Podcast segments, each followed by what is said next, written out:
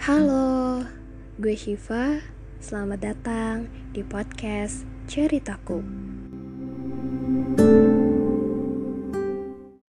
Seperti yang udah gue bilang di episode 2 Style atau Skincare, gue mau masuk di season cerita lama. Jadi dulu tuh gue suka nulis-nulis apa yang lagi gue rasain dan gue pengen cerita aja Nah, tulisan gue ini ada beberapa judul, dibilang puisi juga bukan karena bahasanya gak terlalu puitis, dan sekarang gue akan membacakan salah satunya.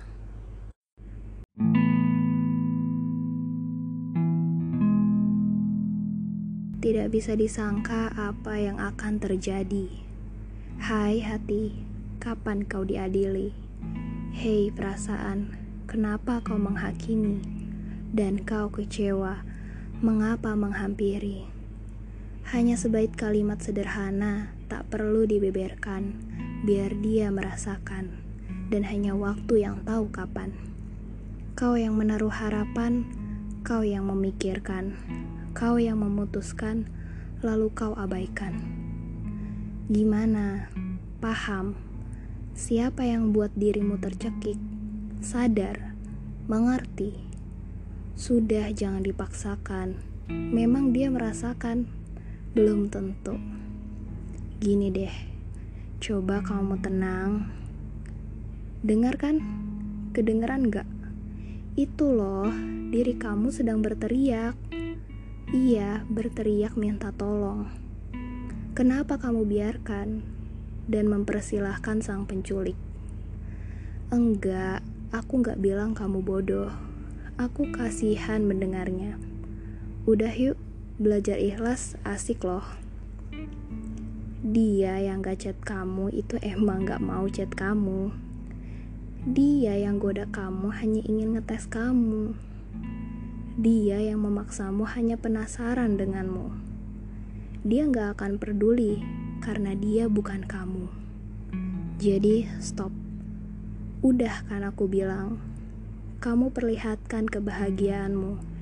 Jangan kamu bagikan kesedihanmu. Tidak, dia tidak benar-benar peduli. Dia hanya penasaran. Tongkat yang sudah patah tidak sekokoh yang di awal jika disambungkan kembali. Jadi, udah ya, jangan memaksakan. Kasihan yang berteriak tidak didengar.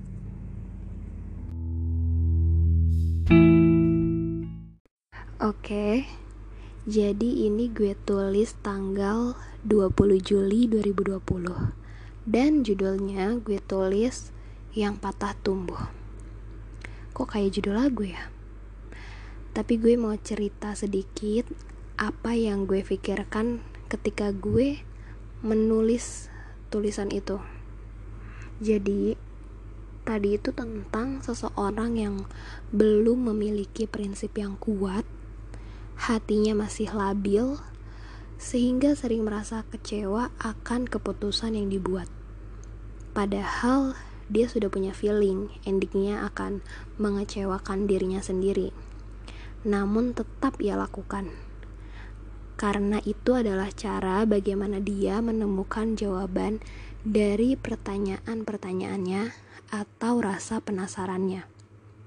Dan cara dia untuk menemukan jawaban itu ternyata dia terlalu memikirkan perasaan orang lain sampai dia lupa dirinya sendiri. Jadi kayak masih keras akan pilihannya, masih apa ya? Kalau belum kena uh, efek dari keputusan itu dia belum mau stop gitu jadi dia harus tetap melakukannya. Nah lo juga pernah gak sih di kondisi kayak ngambil keputusan yang lo tuh udah punya feeling endingnya bakal nyusahin diri lo sendiri tapi lo tetap ngelakuinnya itu? Tapi feeling itu juga bisa jadi sugesti buat lo kayak lo udah feeling ini bakal nyusahin diri sendiri dan kejadian gitu. Mungkin lo punya uh, cerita versi lo sendiri dan berkenan menceritakannya kepada gue bisa lo ceritain di DM Instagram gue Syifa Zaranip atau email podcastnya ceritaku at gmail.com dan by the way sorry suaranya agak kecil mungkin kedengarannya dibanding dengan episode 1 dan 2 karena ini gue record jam 1 malam Hamin 1 lebaran Selamat Hari Raya Idul Fitri buat lo yang menjalankannya Mohon maaf lahir dan batin uh, buat teman-teman gue yang dengerin ini atau buat lo yang tahu gue. Nah, segitu dulu untuk season cerita lama kali ini. Terima kasih buat lo yang sudah mendengarkan dan nantikan episode-episode berikutnya hanya di podcast Ceritaku.